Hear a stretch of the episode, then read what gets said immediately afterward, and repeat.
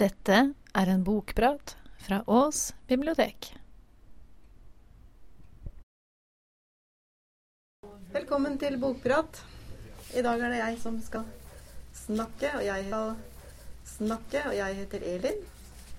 Og jeg skal uh, prate om ei bok som heter uh, 'Jeg har ventet på deg' av Miriam Christensen. Miriam Christensen er eh, født i 1978 i Lyngdal, men hun bor nå i Kristiansand. Hun er ved siden av å være forfatter, eh, utdanna bibliotekar. Og hun har eh, skrevet eh, flere bøker. Eh, dette er femte boka. Eh, hun har fått eh, Tarjei Vesaas debutantpris. Hun har fått Sørlandets litteraturpris, Amalie Skrams- Amalie Skram-prisen og Bjørnsonstipendet.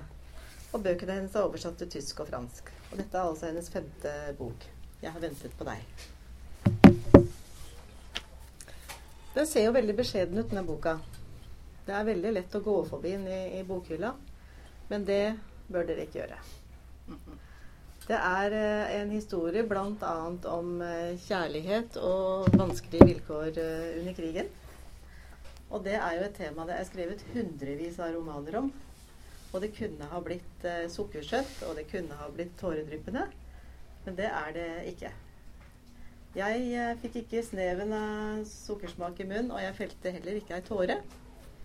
Og det er veldig uvanlig, for jeg griner mye. Så det er et stilsikkert og intelligent eh, språk i boka, og den vipper ikke over til noen kant. Og den, den fortelles i uh, små tilbakeblikk og, og glimt. Og det er som å skrelle en løk, eller som å som skall for skall, eller å gå på skattejakt og lese denne boka. Det er um, Det er ikke før helt på slutten at vi skjønner hele historien. Og det gjør jo at det er forferdelig spennende å lese den. Men det er et mareritt å prøve å formidle den. For det er så lett å ødelegge den eh, intelligente og geniale fortellerteknikken. Men jeg håper at jeg ikke ødelegger det. Men altså, boka handler om Paula. Og den begynner sånn. De er overalt, de gamle menneskene. De står og venter på drosje. Sitter på benkene i parken. Går langs fortau med trillebager halvfulle av ukas matvarer. En lang rekke av grå sjeler som venter på å forsvinne. En kø av døende som sleper seg bortover fortauene, mens de gule bladene fra høsten daler, daler langsomt nedover hodene deres. Gamlinger med hodene fulle av historie. Avsluttede hendelser og forgangne episoder som spilles om og om igjen. Jeg er også en av dem. Jeg skal snart dø. Kroppen min har levd i over 80 år. Den har båret meg trofast gjennom livet. Jeg har nesten aldri vært syk, aldri brukket et bein, aldri hatt lungebetennelse eller tuberkulose.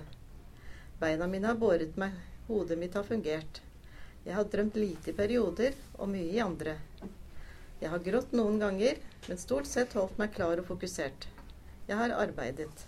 Jeg har lest. Jeg har gått turer langs elvene i byer jeg har vært i.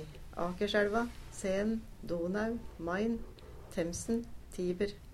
Jeg har til og med dyppet tærne i Jordanelva. Hjertet mitt har slått trofast gjennom alle disse årene.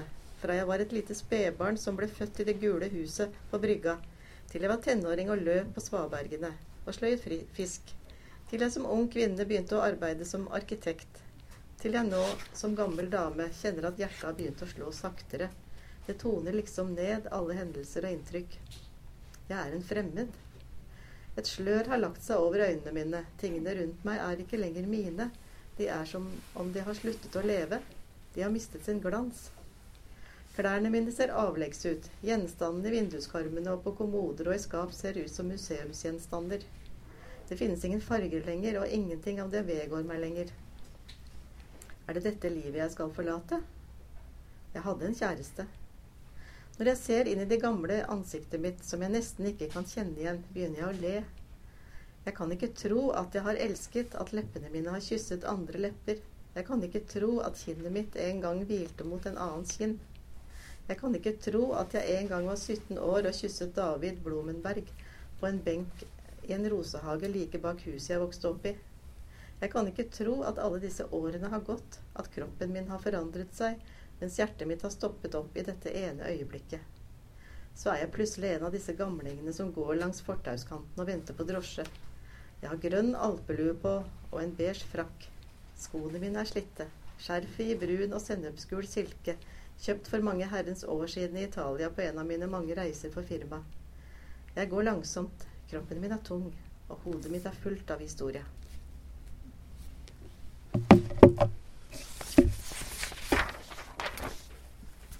Og så begynner tilbakeblikkene.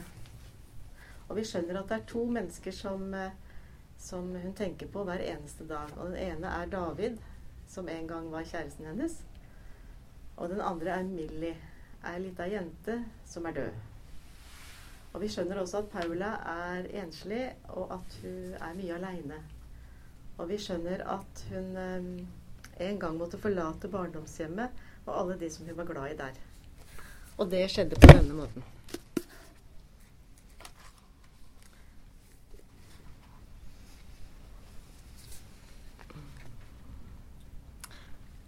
Mens hun lå der, så hun alt tydelig og klart for seg.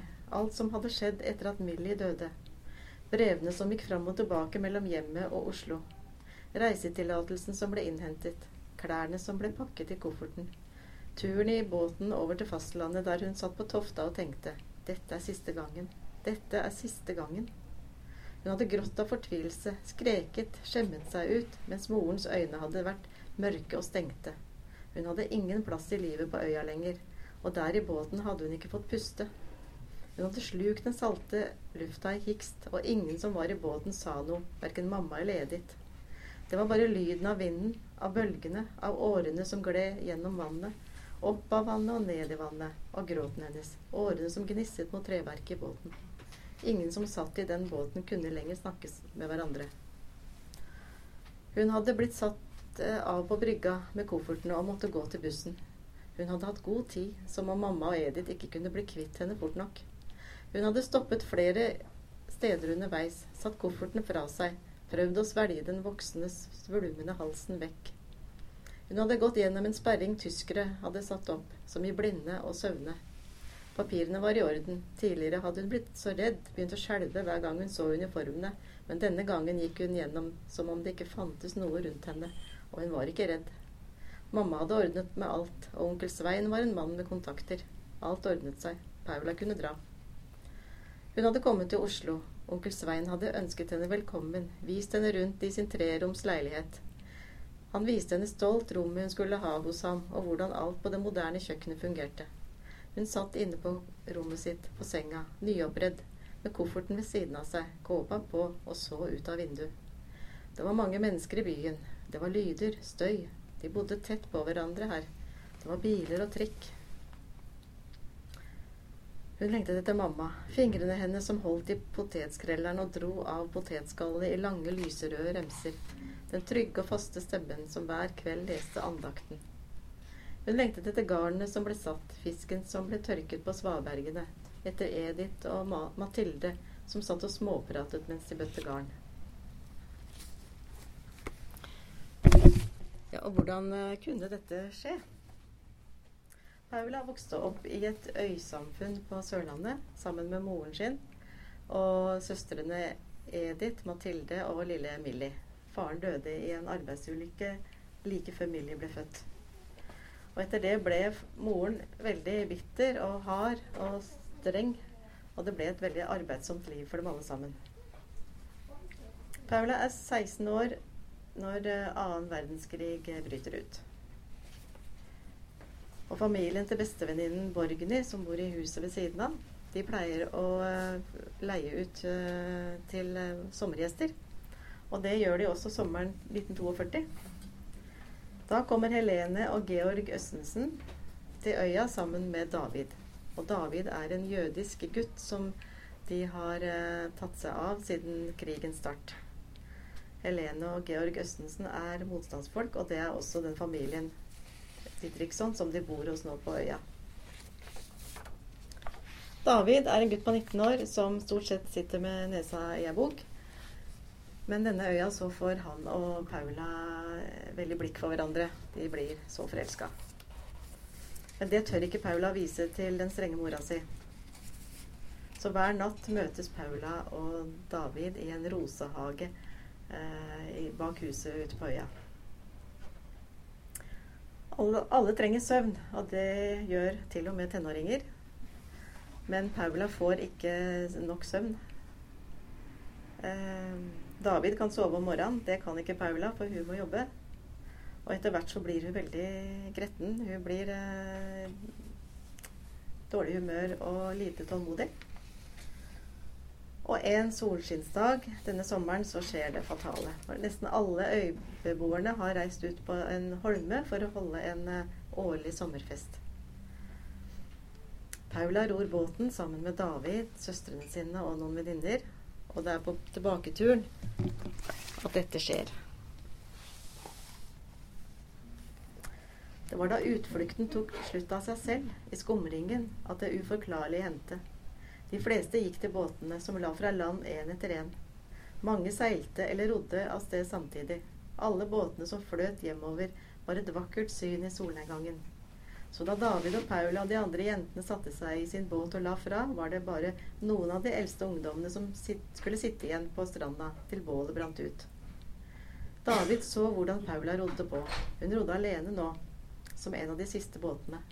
Han så hvordan det gnistret i Paulas øyne da de et stykke utpå hørte Millies tynne stemme som ropte fra holmen. Paula! Paula! Paula, du må snu. Millie er igjen, sa en av søstrene. Edith eller Mathilde. Jeg trodde hun hadde dratt med noen av de andre, var det noen som sa. Hva skal vi gjøre? sa en annen stemme.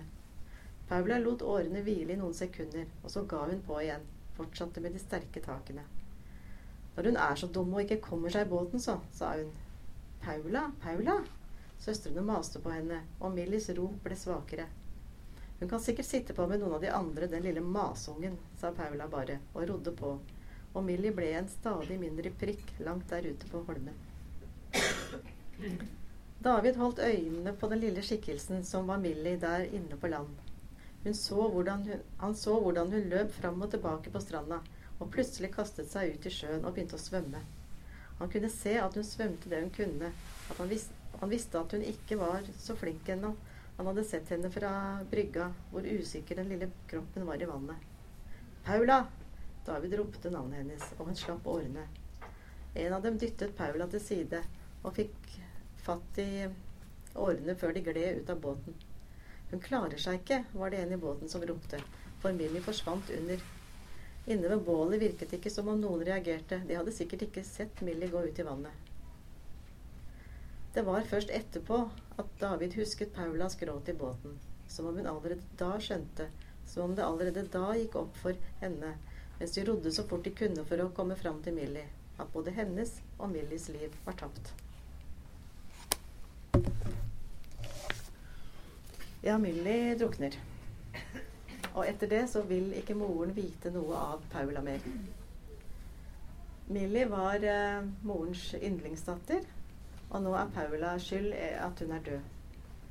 Paula blir sendt til onkel Svein i Oslo, som er eh, nazist. Og moren har aldri i livet seinere eh, kontakt med Paula. Og hun forbyr også søstrene å ta kontakt. Men onkel Svein han er strålende fornøyd med Paula. Hun steller i leiligheten hans, hun lager maten, og hun blir etter hvert veldig dyktig i firma, arkitektfirmaet hans. Men han vil gjerne ha henne med i nazistmiljøet som han er i. Og for syns skyld så blir hun av og til med. Men noe onkel Svein ikke veit, det er at uh, Paula har tatt kontakt med tante Cecilie, som er, var uh, farens søster. Uh, og at Cecilie er ei tøff, selvstendig dame som er med i motstandsbevegelsen. Og Paula begynner også nå å gjøre æren for motstandsbevegelsen. Og onkel Svein vet heller ingenting om at Paula er så bekymra for David, den jødiske eh, kjæresten sin.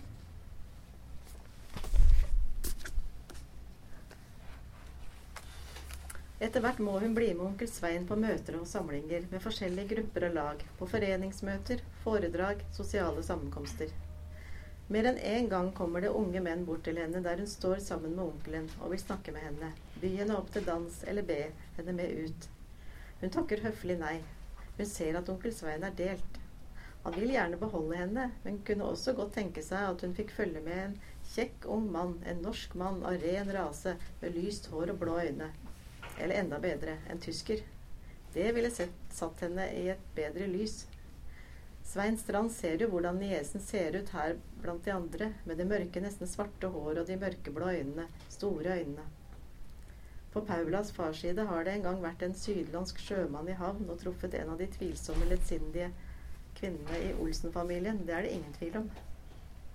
Paula er med på foredrag og tilstelninger, men det er som om hun lar seg selv gli unna.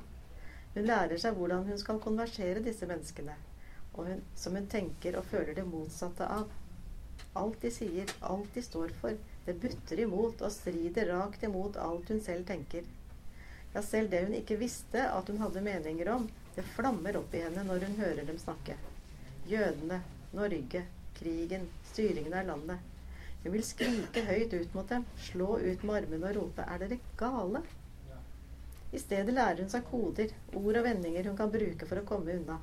For ikke å si noe, ikke mene noe, men allikevel høres ut som om hun er på parti med dem. At hun tenker noe av det samme. Det er ikke direkte anerkjennende, men heller ikke motstridende. Det er en balansegang hun kan mestre til perfeksjon, nesten. Noen ganger kjenner hun et blikk på seg, hvis det er en hun treffer i kretsen rundt onkel Svein som er fanatisk, som virker, virkelig brenner for saken, som kjenner det langt inn i hjertet sitt, da kan hun føle seg avslørt, naken, men hun henter seg fort inn igjen. Et smil, en liten latter, ei hånd på armen, et nikk, et blunk. Hun vet ikke hvor sikkerheten kommer fra. Hun har aldri vært politisk, i alle fall aldri tenkt at tankene og meningene hennes var politiske. Hun har bare tenkt og ment det samme som pappa, at alle menneskene er like mye verdt. At Gud elsker alle. At landegrenser er noe menneskene har funnet på. En tullete idé. Er det politisk? Hun vet ikke. Hun har, aldri tenkt at det, hun har alltid tenkt at det pappa sier, er sånn det er. Mamma trakk seg unna alt som hadde med verden å gjøre. Alt som, ikke, alt som skjedde utenfor huset, ja, utenfor stua hennes, lot hun som ikke fantes etter at pappa døde. Når det skjedde noe av betydning i verdenspolitikken, hendelser hun tidligere ville ha brydd seg om og interessert seg for, kunne Paula merke hvordan mamma tok det inn i et øyeblikk. Noe flammet opp i øynene hennes, for så å dø hen i det neste, og mamma lukket seg. Det var noe som var visnet etter at pappa ble borte. Noe som forsvant i henne. Alt annet enn forpliktelsene, ansvaret for de fire døtrene. Så hvordan kan det ha seg at når Paula sitter midt i selskap, selskapelighetene hos tante Cecilia, hvor folk drikker brunt brennevin og snakker høyt og diskuterer politikk, at hun kjenner seg mer hjemme der enn hjemme hos mamma? Hvordan kan det ha seg at hun plutselig har meninger hun ikke helt vet hvor kommer fra? Og hvorfor er det ikke akkurat disse Hvorfor er det akkurat disse meningene og ikke noen andre? Hvorfor hater ikke også hun jødene, slik som onkel Svein? Hvorfor er det ikke slik at hun ikke er bekymret for å besudle sin rene herkomst? Hvordan vet hun helt innerst i hjertet og i hodet og i hele kroppen med visshet og sikkerhet at det onkel Svein hevder om jødene, om det internasjonale jøden som ødelegger Europa, ikke er sant? At det er løgn og forbannet tøv? Først trodde hun at det har noe med David å gjøre, men så skjønner hun at han er bare David, han er ikke jøden. Det har ikke noe med ham å gjøre, men at han er en del av dette, at han er rammet, gjør henne sintere, mer rasende enn hun noensinne hadde trodd hun kunne bli.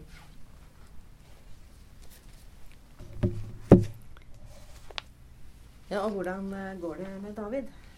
Han uh, blir holdt igjen uh, Eller han blir igjen på øya. Etter at Georg og, og Helene Østensen reiser hjem den sommeren. Og holdes skjult på loftet hos familien Didriksson. For de mener at han er ikke trygg nok i Oslo.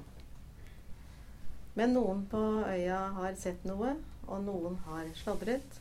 Og nazistene kommer og sender eh, David til Tyskland og Didriksson til Grini. Dette får eh, Paula høre gjennom eh, Helene Østensen. Og snart blir også ekteparet Østensen og Cecilia sendt i leire. Så krigsårene er eh, grusomme og tunge og ensomme for Paula. Samtidig som hun fortsetter å gjøre små tjenester for motstandsbevegelsen. Men krigen tar endelig slutt. Onkel Svein blir arrestert. Og Paula tar kontakt med Helene Østensen, og det blir et eh, sterkt møte.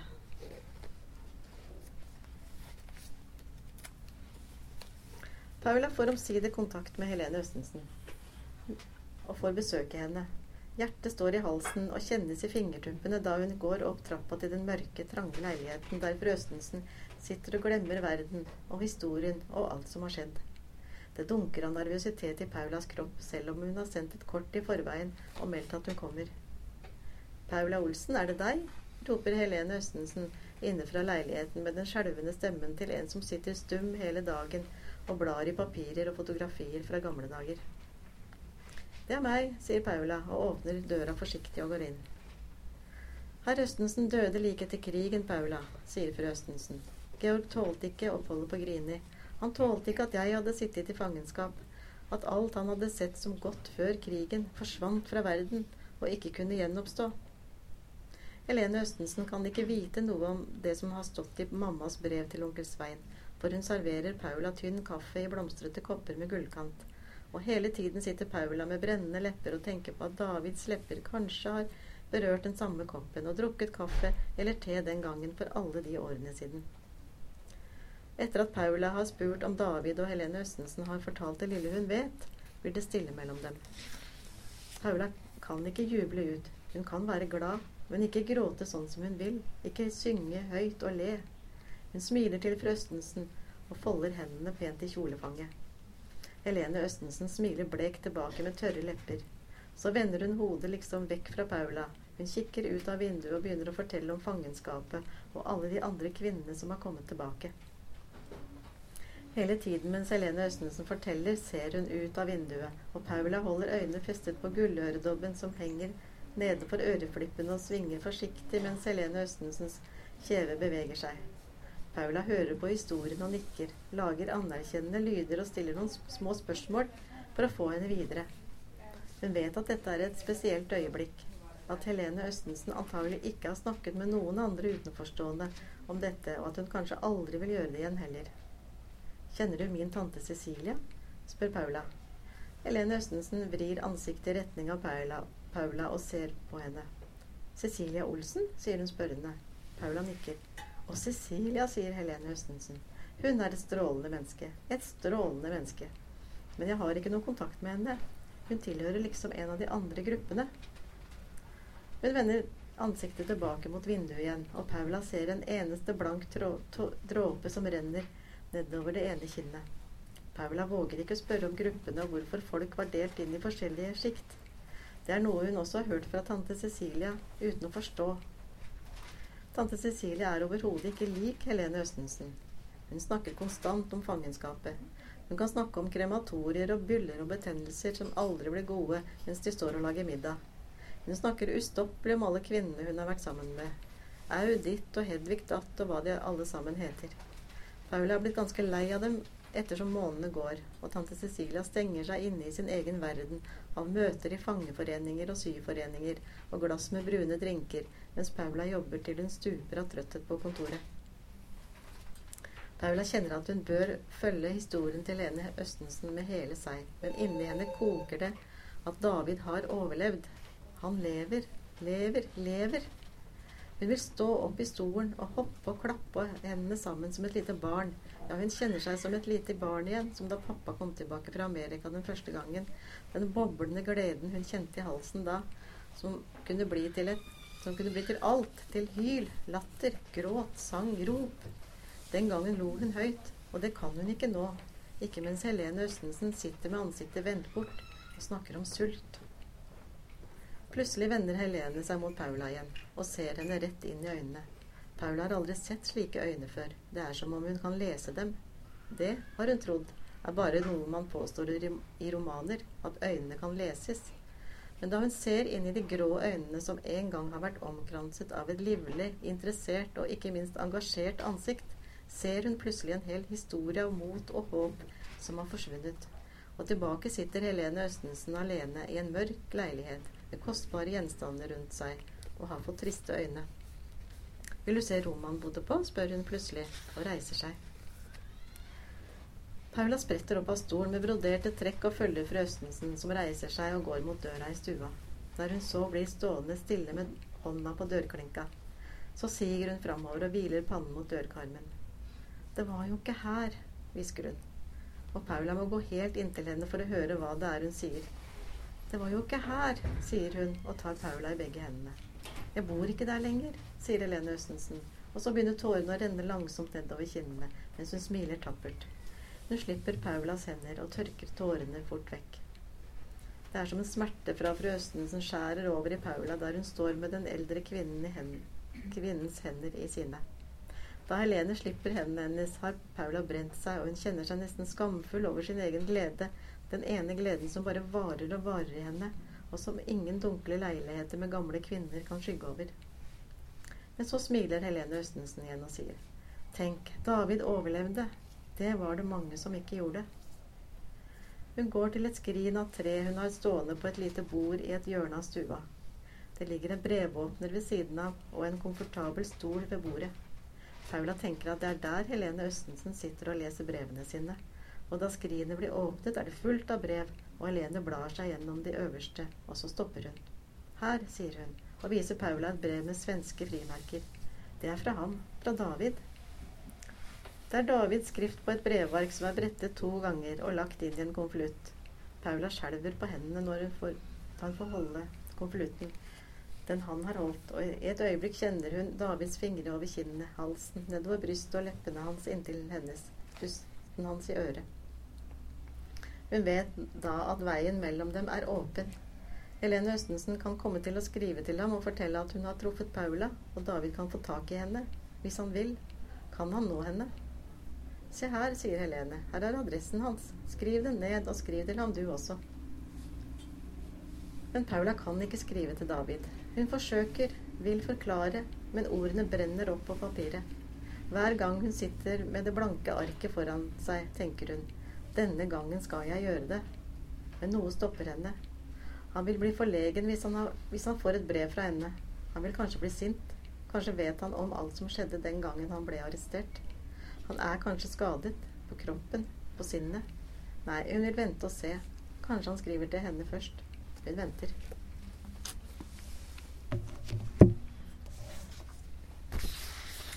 Nei, hun skriver eh, aldri til David. For Paula har smugkikka i uh, onkelens papirer og fått vite noe om omstendighetene rundt uh, arrestasjonene på øya. Noe som gjør henne opprørt og skamfull. Jeg skal ikke si noe mer om det hvis noen av dere skal lese boka etterpå.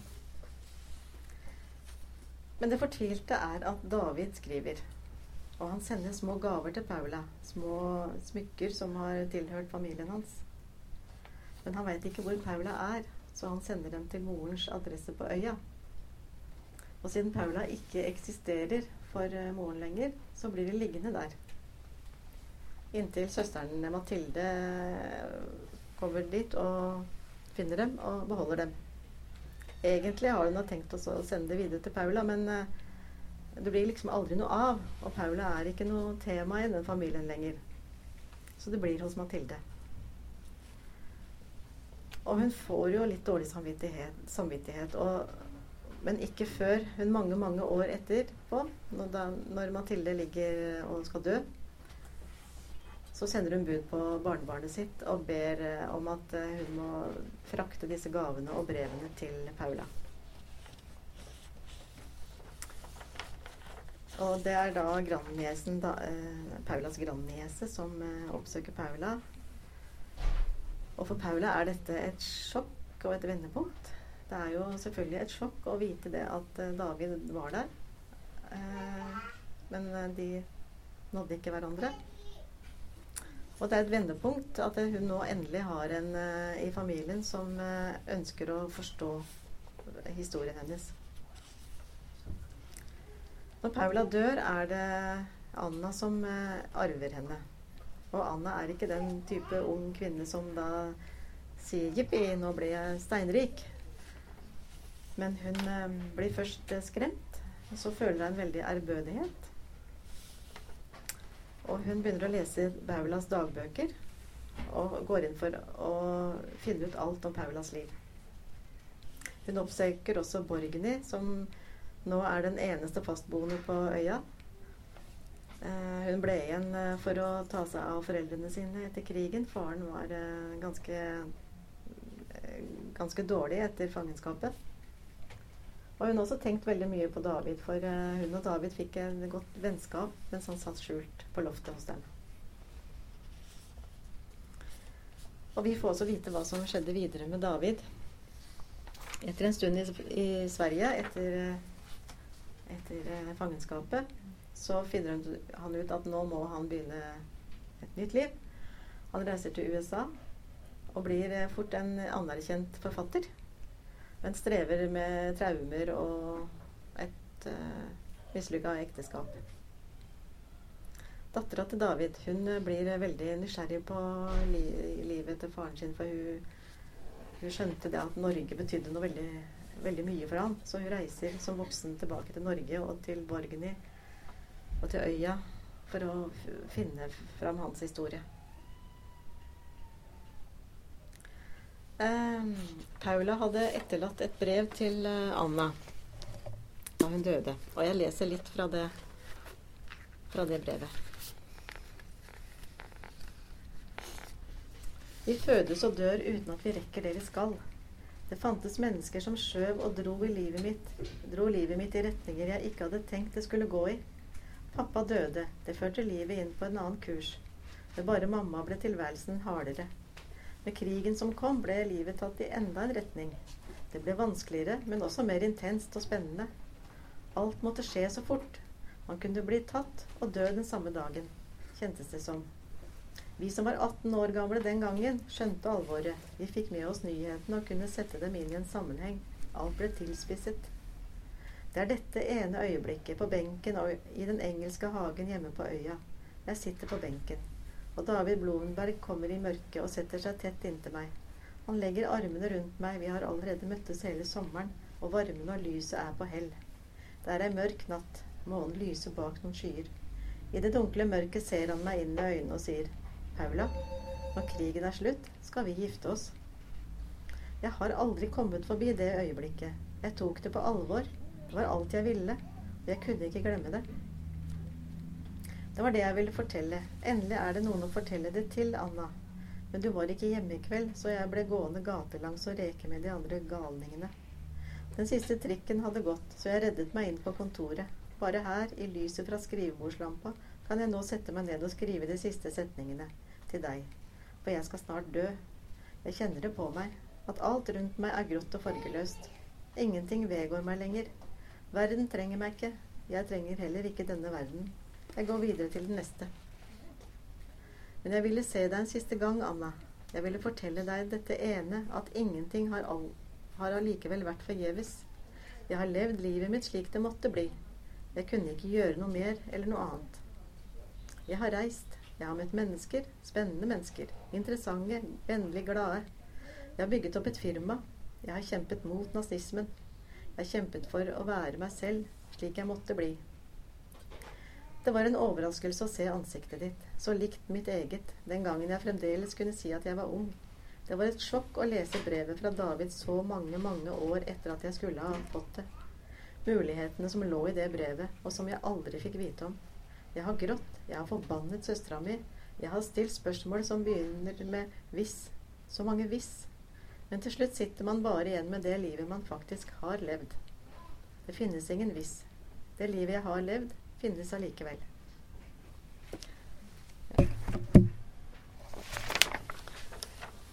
Denne boka er ikke, er ikke trist. Jeg vil heller kalle den liksom vemodig. Jeg blei sånn mollstemt, på en måte. Og det høres jo helt feil ut og helt vilt ut at uh, det faktisk er en lykkelig slutt på boka. Det er en slags sånn vipp sånn helt på slutten. Opp. Det er veldig overraskende, og det er veldig sjarmerende. og jeg syns det, det som skjer, gir et uh, godt bilde av hvor merkelig livet kan være. Jeg sier selvfølgelig ikke hva det er. Men boka gjorde meg tankefull, sånn som gode bøker skal gjøre. Og noe som slo meg mer enn uh, noen gang, var at uh, hvordan livene våre er som tannhjul. At de griper inn i hverandre. og at alt vi gjør, eller unnlater å gjøre, det har store virkninger på de som er rundt oss. Så jeg syns at denne boka her, som ser så veldig beskjeden ut, den er egentlig en liten diamant. Og bør leses. Takk for meg.